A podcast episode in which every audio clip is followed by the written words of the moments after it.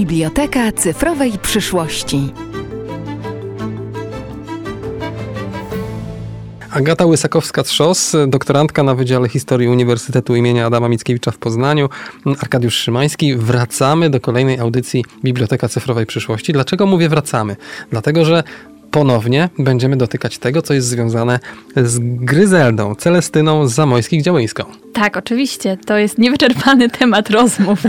wracamy do Gry Gryzeldy Celestyny, czyli Celestyny, wracamy do Poznania, no i wracamy do tego, jaką była działaczką społecz społeczną i filantropką e, poznańską, o której potem, o której między innymi Marceli Motty mówił, że to ona natchnęła poznaniaków, tchnęła w poznaniaków ten duch dobroczynności. To, co wiemy, to to, że stworzyła sobie niesamowitą siatkę pomocników, i jak pozyskiwała informacje, bo do tego doszliśmy, jak wyglądała ta cała siatka informatorów, że tak mogę nazwać te osoby, które no, przychodziły jej z informacjami pewnymi, z danymi, które, nad którymi ona się pochylała i wtedy znajdowała wśród tych danych osoby, dusze, którym należy pomóc.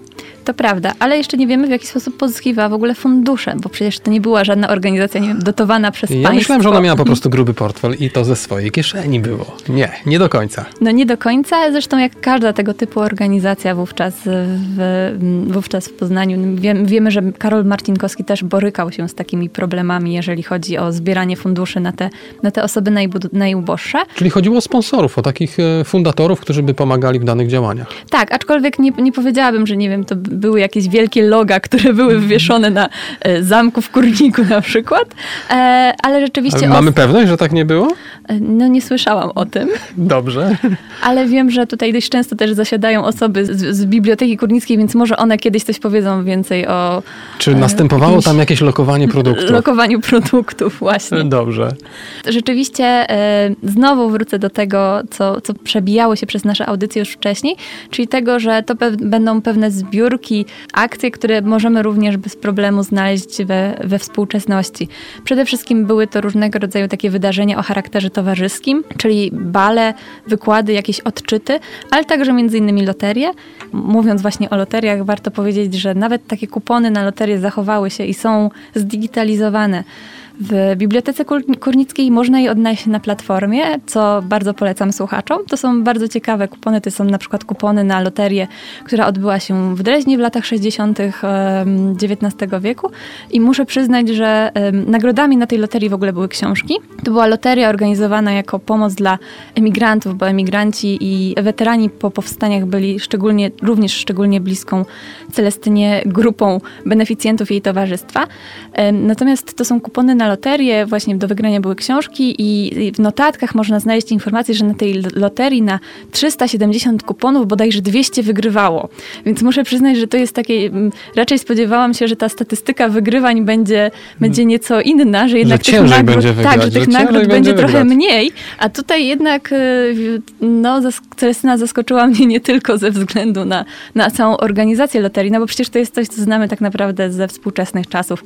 Ja pamiętam, że na przykład w mojej podstawówce podstawówce były loterie e, zawsze przed świętami i można było wygrać jakąś maskotkę czy coś, ale taka fajniejsza nagroda to, to raczej była jedna na całą szkołę. To była raczej rzadkość, tak, to prawda, ale ja bardziej myślę o tym, czy dochody z tych loterii były przekazywane na jakieś szczytne cele, bo myślę, że tak, że to było na celu pewnie tego typu działań, tak? Oczywiście, to w zależności od tego, tutaj nawet nie mówimy wyłącznie o loteriach, ale też właśnie o jakichś wykładach, odczytach, które się na przykład odbywały w Pałacu Działońskich yy, czy innych kwestiach, to były, yy, że tak powiem, wydarzenia sprofilowane na konkretną grupę. Ta loteria, o której ja mówiłam, miała na cel e, zbiórkę pieniędzy dla emigrantów, którzy przebywali w tym czasie w Dreźnie po powstaniu styczniowym. E, natomiast e, zdarzały się też konkretne wykłady, które były na przykład, z których dochód szedł na przykład na szkółki Celestyny albo na działalność towarzystwa statutową, jakbyśmy to nazwali. Bo przecież na początku to wszystko się właśnie działo wokół tego towarzystwa, które Celestyna założyła tutaj, tutaj w Poznaniu, ale bardzo często mówię, to było sprofilowane pod konkretną grupę odbiorców, tych beneficjentów. Myślę, że ciekawym przykładem tutaj jest taka akcja charytatywna, którą e, Celestyna zorganizowała w 1848 roku dla więźniów, którzy byli osadzeni w fortecy poznańskiej. To byli więźniowie, którzy jakby zostali osadzeni w ramach po tym powstaniu wielkopolskim 1848 roku, no bo wiemy, że powstanie wielkopolskie to nie tylko 1918. I to była znowu wielka, zorganizowana akcja charytatywna, podczas której ona wypuściła na miasto kogoś, kogo byśmy dzisiaj nazwali jej wolontariuszami, którzy właśnie kwestowali na rzecz, na rzecz tych więźniów. O dziwo, y, nie była to akcja w żaden sposób tępiona przez y, policję. Zresztą jakby z jej dokumentów też wynika, że ona miała dość, jeżeli chodzi o jej towarzystwo, o tą działalność dobroczynną. Bo, była aprobata. Tak, była raczej, może nie taka aprobata, ale raczej y, y, ciche przyzwolenie bym powiedziała. E, na zasadzie nieprzeszkadzania. Natomiast e, to były osoby, które nawet miały pisma specjalnie od niej, które jakby potwierdzały ich wiarygodność. W momencie, w którym do Celestyny doszło, że e, ktoś się podszywa pod jej wolontariuszy, to ona napisała całą odezwę, że tutaj ona, doszły do niej takie słuchy, że ona prosi, żeby dawać pieniądze wyłącznie tym, którzy, oni, którzy są w stanie wylegitymować się w jakiś sposób. Jakże to jest bliskie naszym czasom. To no też właśnie. się wiąże z tego typu działaniami jakimiś wolontariuszy. I pod wolontariuszy również dzisiaj się niektórzy podszywają, chcąc wyłudzić pieniądze. No to wszystko musi być y, normalnie, formalnie zorganizowane. I wtedy też tak było. Tak, no ona bardzo dbała o to, żeby, żeby jakby w dokumentach się wszystko zgadzało, żeby pewne kwoty, żeby kwoty pieniężne też się zgadzały w dokumentach. I jeszcze wracając na chwileczkę właśnie do tych więźniów osadzonych w, w fortecy, to była też e, akcja, trochę taka akcja szeptana, to znaczy ona na początku dostała wprawdzie listę osób, które są tam osadzone, natomiast e, bardzo szybko e, wśród więźniów rozeszła się informacja, że ona udziela takich datków, że wysyła na przykład posiłki, że wysyła ubrania dla ludzi. I rzeczywiście mamy, w, mamy w, jej, w dokumentach poświęconych jej działalności listy, które się zachowały od tych więźniów, gdzie tam Więzień pisze, że tutaj od um, współwięźnia dowiedział się, że ona prowadzi taką akcję, że on też prosi o koszulę, bo tutaj został schwytany w Poznaniu i, no i siedzi w jednej koszuli i bardzo poprosi o jakieś, o jakieś wsparcie. Przy czym znowu wychodzi taka Celestyna bardzo zorganizowana, bo jeżeli chodzi o te listy, ona po prostu przy, każdym, przy każdej takiej osobie zaznaczała na marginesie, e, co dana osoba może od niej dostać, czy to było właśnie obiad, co oznaczało, że właśnie wciągała go na listę osób, którym wydawane były posiłki fundowane z, mm, z funduszy towarzystwa, ale też dopisywała na przykład hasłowo koszula, tak, para butów. E, zdarzały się też e, jakieś dopiski, mm, ale to się też spotyka spotyka, to się też pojawia w jej kartach, o których mówiliśmy już wcześniej, że na przykład niebo tam usłyszała, że to jakiś jest złodziej, albo niebo tak naprawdę kłamie i ona się dowiedziała, że on wcale nie walczył. Więc yy, znowu ta siatka informatorów działała. Chodziło też o to, Celestynie, żeby nie okazało się, że ktoś próbuje ją naciągnąć na coś, no bo rozumiem, że byli też pewnie tacy beneficjenci, mówiąc trochę w cudzysłowie tu w stosunku do takich osób, które by to wykorzystywały, przychodziły tam powielokroć, yy, prosząc o rozmaite rzeczy, a ona miała to wszystko skrupulatnie odnotowane, że ten otrzymał to, tamten otrzymał to, temu należy się jedzenie. Dbała o to? Oczywiście, tak. Potrafiła na przykład odmówić komuś pomocy w momencie, w którym zauważała, że to jest osoba, która przychodzi już któryś raz prosić o coś. Notorycznie. E, notorycznie. Natomiast e, nie, nie przynosiła ni, jakby nic w zamian. Dowiadywała się na przykład, że ta osoba wcale nie szuka pracy.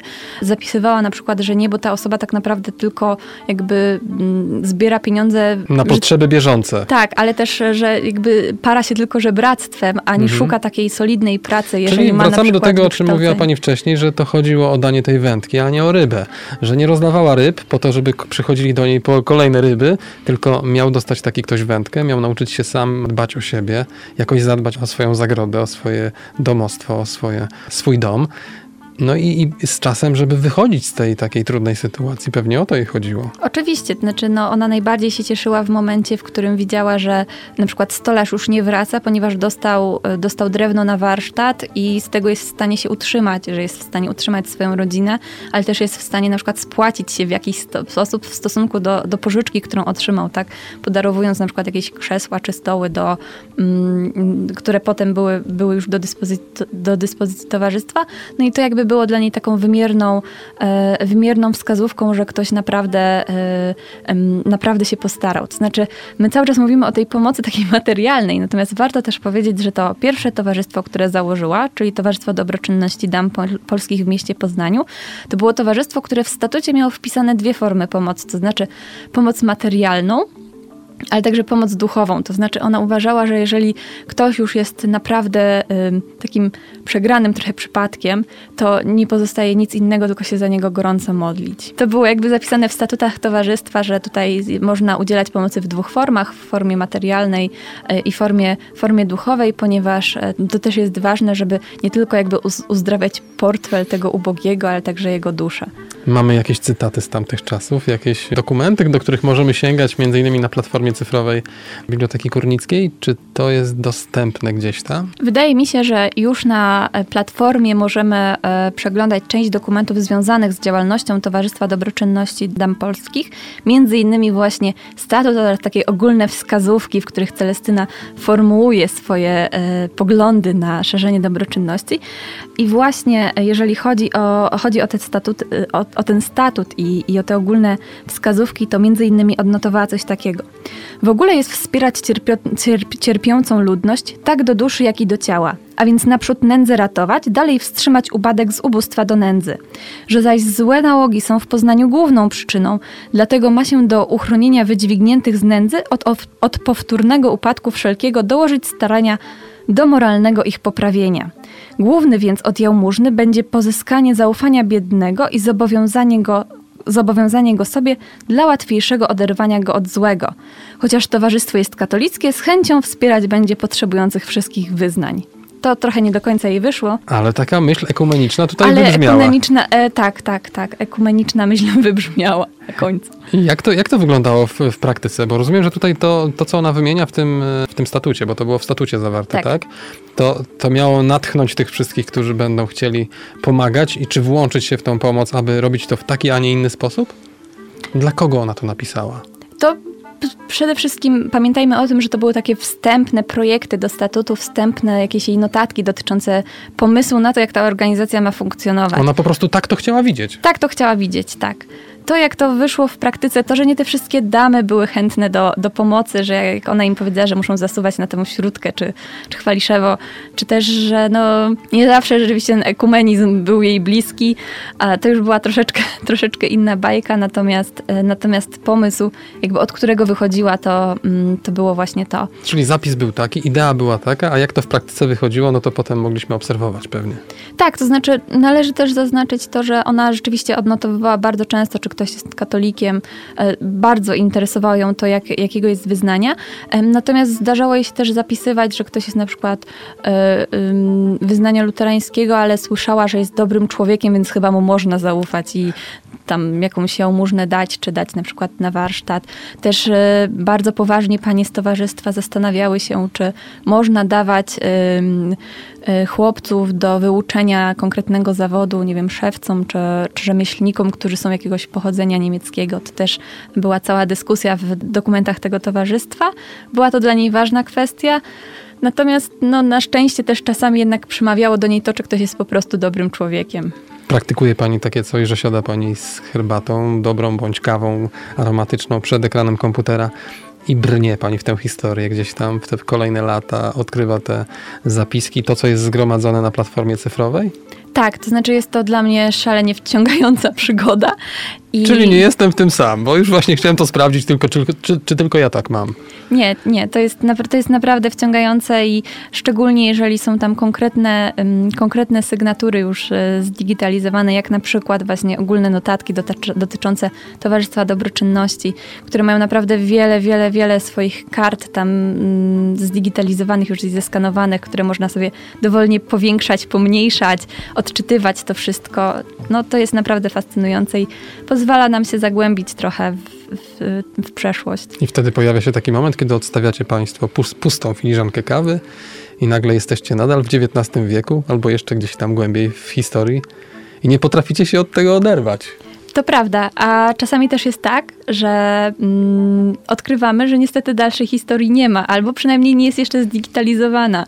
I o tyle, o ile mm, mamy jakieś materiały dotyczące tego pierwszego towarzystwa Celestyny, które funkcjonowało od 1945 roku, tak e, mam nadzieję, że czeka jeszcze i że kiedyś się pojawi, dokumenty doty, dotyczące Towarzystwa Dam Miłosierdzia Świętego Wincentego a Paulo, czyli drugiego towarzystwa, które Celestyna założyła niejako trochę na gruzach tego starego, e, a w którym przede wszystkim jakby zaangażowała do pomocy e, szaretki, siostry miłosierdzia, e, które również trudniło się taką działalnością charytatywną, działalnością dobroczynną, między innymi. Bardzo aktywnie działało, z, działało podczas różnych epidemii, które nawiedzały Poznań w XIX wieku. I warto na koniec jeszcze wspomnieć, że to Towarzystwo Świętego Wincentego a Paulo, które Celestyna tu założyła już w 1953 roku, to nie była jakby jej mm, indywidualna inicjatywa, tylko to było po prostu mm, jedna z odnóg takiego bardzo dużego ogólnoeuropejskiego, moglibyśmy powiedzieć w tamtym czasie Towarzystwa Świętego Wincentego a Paulo, które miały swoje oddziały damskie oraz swoje oddziały męskie. Konferencja Świętego Wincentego a Paulo działała również w Poznaniu od 1850 roku kibicuję cały czas. Wszelkim badaczom, wszelkim naukowcom, doktorantom, tak jak pani Agata Łysakowska-Trzos, przypomnę, doktorantka na Wydziale Historii Uniwersytetu imienia Adama Mickiewicza w Poznaniu, bo dzięki tego typu badaniom możemy dowiedzieć się czegoś więcej. Jak wyglądała historia chociażby XIX wieku, o którym tu dzisiaj rozmawiamy, jak wyglądał Poznań wtedy, jak wyglądał Kurnik, jak wyglądało pomaganie sobie nawzajem, jak to wszystko okazuje się, że mogło być podobne do tego, co mamy dzisiaj. To prawda. Agata Łysakowska-Trzos, doktorantka na Wydziale Historii Uniwersytetu imienia Adama Mickiewicza w Poznaniu, Arkadiusz Szymański. Dziękuję za kolejną audycję Biblioteka Cyfrowej Przyszłości. Dziękuję bardzo. Audycja powstaje przy współpracy z Biblioteką Kurnicką Polskiej Akademii Nauk www.bkpan.poznan.pl